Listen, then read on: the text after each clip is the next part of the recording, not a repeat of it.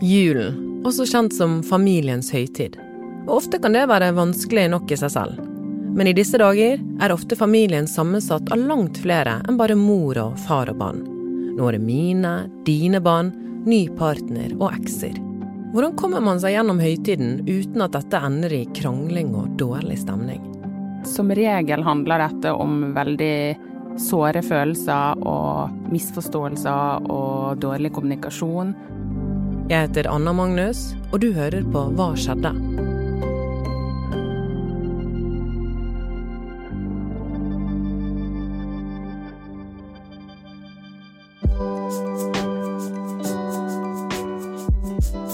Velkommen, Andrine Bruland. Du er psykologspesialist, mor, bonusmamma og gjestekommentator her i Bergenstidene. Og nå skal vi to snakke om noe som gjelder flere og flere av oss, nemlig julefeiring med mine og dine barn. Og jeg tror familier som fortsatt er den der eh, gammeldagse kjennefamilien, kan hente noen råd fra deg her i dag. Men Andrine, hvordan er julen hjemme hos deg? Jeg har jo eh, en gutt som har en pappa, og en gutt som har en annen pappa. Og så har jeg en kjæreste som har tre jenter. Ja. Så der er det jo litt eh, på kryss og tvers. En kabal som må løses.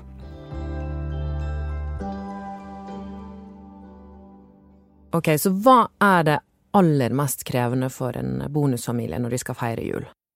Ja, det er jo Man kan jo tenke seg når man er i en kjernefamilie, så er det jo mor har sine behov, og far har sine behov, og barna har sine behov, og det er ganske hektisk, som alle kan kjenne seg igjen i.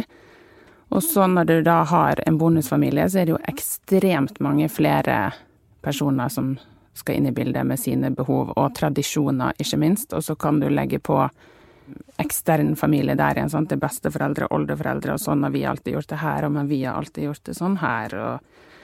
Så det er nok der at det blir så utrolig mange behov som skal passe sammen på veldig få dager.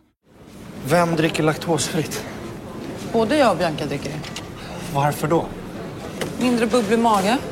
Det koster 70 mer. Du, legg ned den på riktig! Legg ned den, Patrick. Jeg orker ikke mer. Hva er det folk typisk forteller deg i terapirommet? Ja, det er jo Det blir jo fort mye krangling om alle de her eh, Som jeg sa, vi har alltid møttes første juledag og hatt den og den middagen, og, men vi har alltid spist dette på julaften, men det er kjempeviktig for meg at vi gjør sånn og sånn akkurat da og da. Og så når det er ti stykker som har pleid å gjøre ti forskjellige ting på samme dag, så sier det seg sjøl at det blir litt krasj. Ja ja, det var noe til arv jeg fikk etter din far. Ikke snakk stygt om far. Du arvet både gården og skogene. Hvordan er det du snakker til meg? Ja, mange av oss kjenner til denne filmen som går på julaften, 'Tre nøtter til Askepott', med den onde stemoren. Ja. Um, og nå er, sier vi bonusmamma, som er litt mer sånn positivt ladet. Men hva tror du at det kommer av at stemoren har fått denne litt sånn eh, belastende rollen i eventyrene, og kanskje samfunnet generelt? Det handler nok mye om eh, sjalusi eller en sånn trussel. Det, jo, det, ligger jo kanskje litt i en at en vil ha den kjernefamilien, man vil ha den som er sin. Og man ser jo det i dyreriket også, at der er det jo mange steforeldre som spiser barna sine. eller barna til den nye partneren sin. Ja.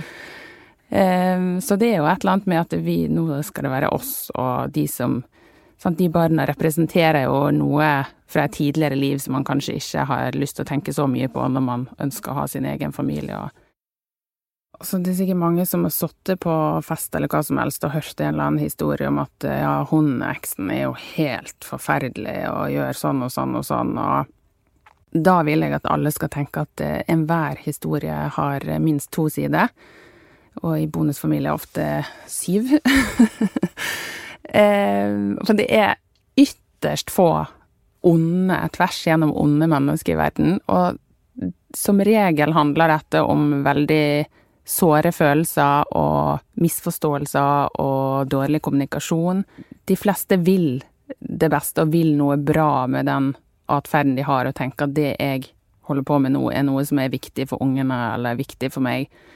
Så hvis man klarer å ha med seg litt den tanken i møte med andre når man syns at andre gjør noe rart, eller dette er jo bare for å sabotere eller være vanskelig.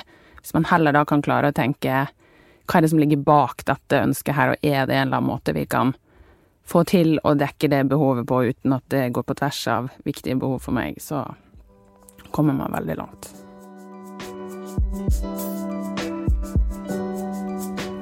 Ok, André, Hvis vi ser for oss at det er noen sånne arketyper av bonusmammaen og bonuspappaen, disse bonusbarna og besteforeldre og sånn, hvordan begynner eh, La oss ta fra lille julaften, da. Hvordan eh, begynner det for bonusbarna, de som da skal være med en ny forelder og deres barn på julaften? Hvordan arter det seg typisk for dette arkebonusbarnet? Ja, det vil jo antageligvis huske hvordan julen var kanskje i fjor og i forfjor, og ha en forventning om at det blir omtrent sånn, hvis ikke de har fått beskjed om noe annet. Og da kan det jo fort, selvfølgelig veldig avhengig av hvordan barn er. Noen er jo veldig sånn eh, alt funker og eh, tenker ikke noe over det, mens noen kan jo få veldig sånn meltdown hvis at noe krasjer med det de hadde sett for seg. Så da tenker jeg jo at eh, det vil være godt for det barnet å både bli spurt hva er det som er Hva gleder du deg mest til i julen? Og også litt sånn hva er det som skal skje? At det kanskje må repeteres et par ganger. At nå har vi nå skal vi ha dette til frokost, og så kan dere se litt tegnefilm, og så har vi grøt sånn og sånn, og da kommer den og den, og så De får eh, agendaen for, eh, for julen. Han far går nok til julebord om han bare har sjanse til det, og koser seg med ribbe og med svinerygg og syltelabber og kalkun og hva det måtte være han velger. Ok, Så denne nye bonuspappaen og kjæresten, kanskje han er fryktelig forelsket i tillegg. Hvordan er julen for han? Ja, ja det har du veldig rett i. At spesielt kanskje menn som er nyforelska, da Det er en sånn egen liten boble. Så det, det er sikkert noen som blir sinte på meg. Men det, da kan det være lett å tenke at alle er like forelska som han, da. Men det er jo spesielt ikke disse barna, de har jo ikke blitt forelska i verken den nye eller de nye barna.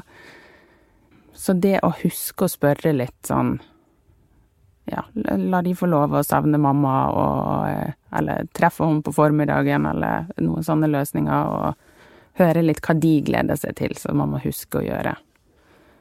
Og så tenker jeg det er veldig viktig å ta ting med Altså at den bonusene ikke må ta den kjipe kommunikasjonen seg imellom, men at eh, barna kan rapportere til mor eller far hva de kjenner og føler på, og så kan de ta det videre med bonus, eller hva nye partner også gjøre den veien. Travelt blir det, det er så. Men vi er nå ikke så helt sikre på at barometeret viser rett når det sier at humøret til mor nærmer seg hysterisk. Likevel kan det vel hende at hun får gjort mer når hun er alene i kjøkkenet, og kan sende mann og unger og bikkjer på låven for å sette opp julenekene, nå som selve Bonusmamma, da? Hvis hun også er kjempeforelsket. Hvordan arter det seg for henne? Ja, det er jo mange som er veldig opptatt av at det skal bli veldig perfekt for alle. At jeg ser det er mange som er flinke og tenker på sånn ja, den har cøliaki, og den skal sånn og sånn, og Eh, sånn, Og dekker absolutt alle behov til alle. Og da man Da blir jo fallhøyden veldig stor. Eh, og så kan, blir man kanskje sur og stressa og sliten istedenfor. Og så tror jeg at for mange barn så er det mye viktigere at det er litt eh, chill og glad stemning enn at eh, pinnekjøttet er ferdig 17.00. Er det en del av pakken at du skal svelge mange kameler? Ja, det tror jeg man må. Jeg tror det er viktig å ha en god kommunikasjon rundt hva er på en måte kjerneverdiene våre. De få tingene som jeg virkelig trenger for å fungere og ha det bra. Og så må alle de små tingene kanskje vike. Og jeg ser at det kommer I terapi så kan det være en del sånne bonusmammaer som eh, gjerne har veldig mange meninger om leggetid, om kosthold og en og det andre for alle barna. Og der tror jeg man må svelge litt kameler, ja. Jo, det er jul igjen. Ingen kan ta feil av det. Men gavene, julegavene, har vi jo ikke snakket om ennå. Fra mor til far. Gaver! Det er jo stress i utgangspunktet i en liten kjennerfamilie, men nå er jo det mange flere som skal ha gaver. Hvordan hvordan kan man gjøre disse tingene her rettferdig, da? Ja, der tror jeg det er viktig å heller inkludere for mye enn for lite, på en måte. At man eh, skriver på alle på gavelappene, og ikke tenker så veldig sånn 'dette er mine, og dette er dine', og der eh, At man heller skriver fra bestemor og bestefar eh, til alle ungene, sant. Heller vipper for mye den veien enn motsatt. For det er mange som snakker om i terapi som eh, unge voksne eller voksne sjøl at de husker akkurat sånne ting fra oppveksten. At eh, det ble kjøpt kanskje godtepose til de tre, og så var jeg utenom, så Og det er jo ikke nødvendigvis sånn at folk har gjort dette for å være kjip, men eh, at man glemmer det eller tenker sånn ja, jeg skulle handle til mine, og så eller om man står i billettkøen, sant, og så er det ja, da betaler jeg for de tre, og så betaler du for de to. Men at man heller da tar en vips eh, oppgjør på kammers etterpå, bare her er de fem ungene våre, så kjøper vi for de, sant. Og, sånn at ikke ungene går og føler på at det er et skille der. Ok, Hva er det verste som kan skje i en sånn bonusfamilie-julefeiring? Det er forska mye på eh, konsekvenser av skilsmisse og, og etterfølgen av det.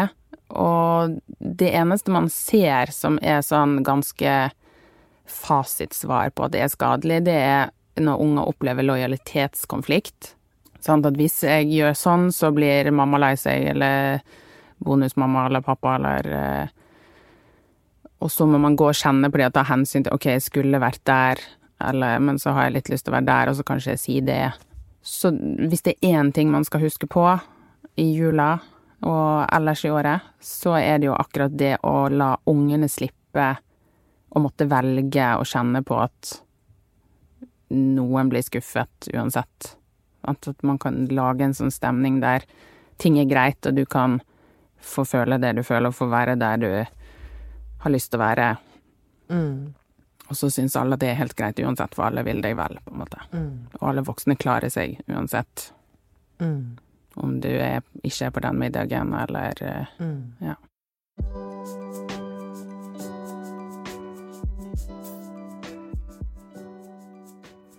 Andrine, du er jo åpenbart eh, skammerfanen Som både bonusmamma og eh, spesialpsykolog. Hva er ditt beste råd til eh, en nykommen bonusmamma eller pappa? Ja, jeg følte meg helt genial når jeg kom på at det går an å lage nye tradisjoner. Eh, Istedenfor å være lei seg for at eh, da får jeg ha de på julaften, eller det får seg sånn og sånn. Så kan man bare finne på ting som eh, helt ikke henger sammen med noe annet og det andre driver med, som ingen andre konkurrerer om å få ha ungene med på.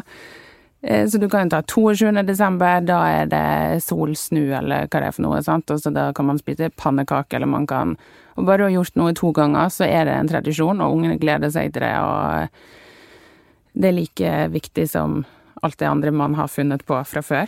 Mm. Så det, hvis at de tingene du egentlig har gledet deg til og eh, ja, er opptatt, så er det bare å lage noe helt nytt. Mm. Så funker det ganske bra også. Hva er din tradisjon? Ja, nå har vi akkurat uh, flyttet sammen da med fem barn. Uh, så nå har alle fått utdelt Det var akkurat fem måneder som var til overs som ikke var bursdagsmåneder. Så nå har ungene fått utdelt hver sin måned av de, som de skal f- lage en tradisjon som vi skal holde på resten av livet. Så jeg er veldig spent å se på hva, hva som skjer da. Ja, men du, god jul da, Andrine. Takk, det samme. Tusen takk for at du hørte på Hva skjedde? Denne episoden den er laget av Arve Stigen og meg, Anna Magnus. Og så har du hørt klipp fra TV-serien Bonusfamilien og Filmavisen på NRK.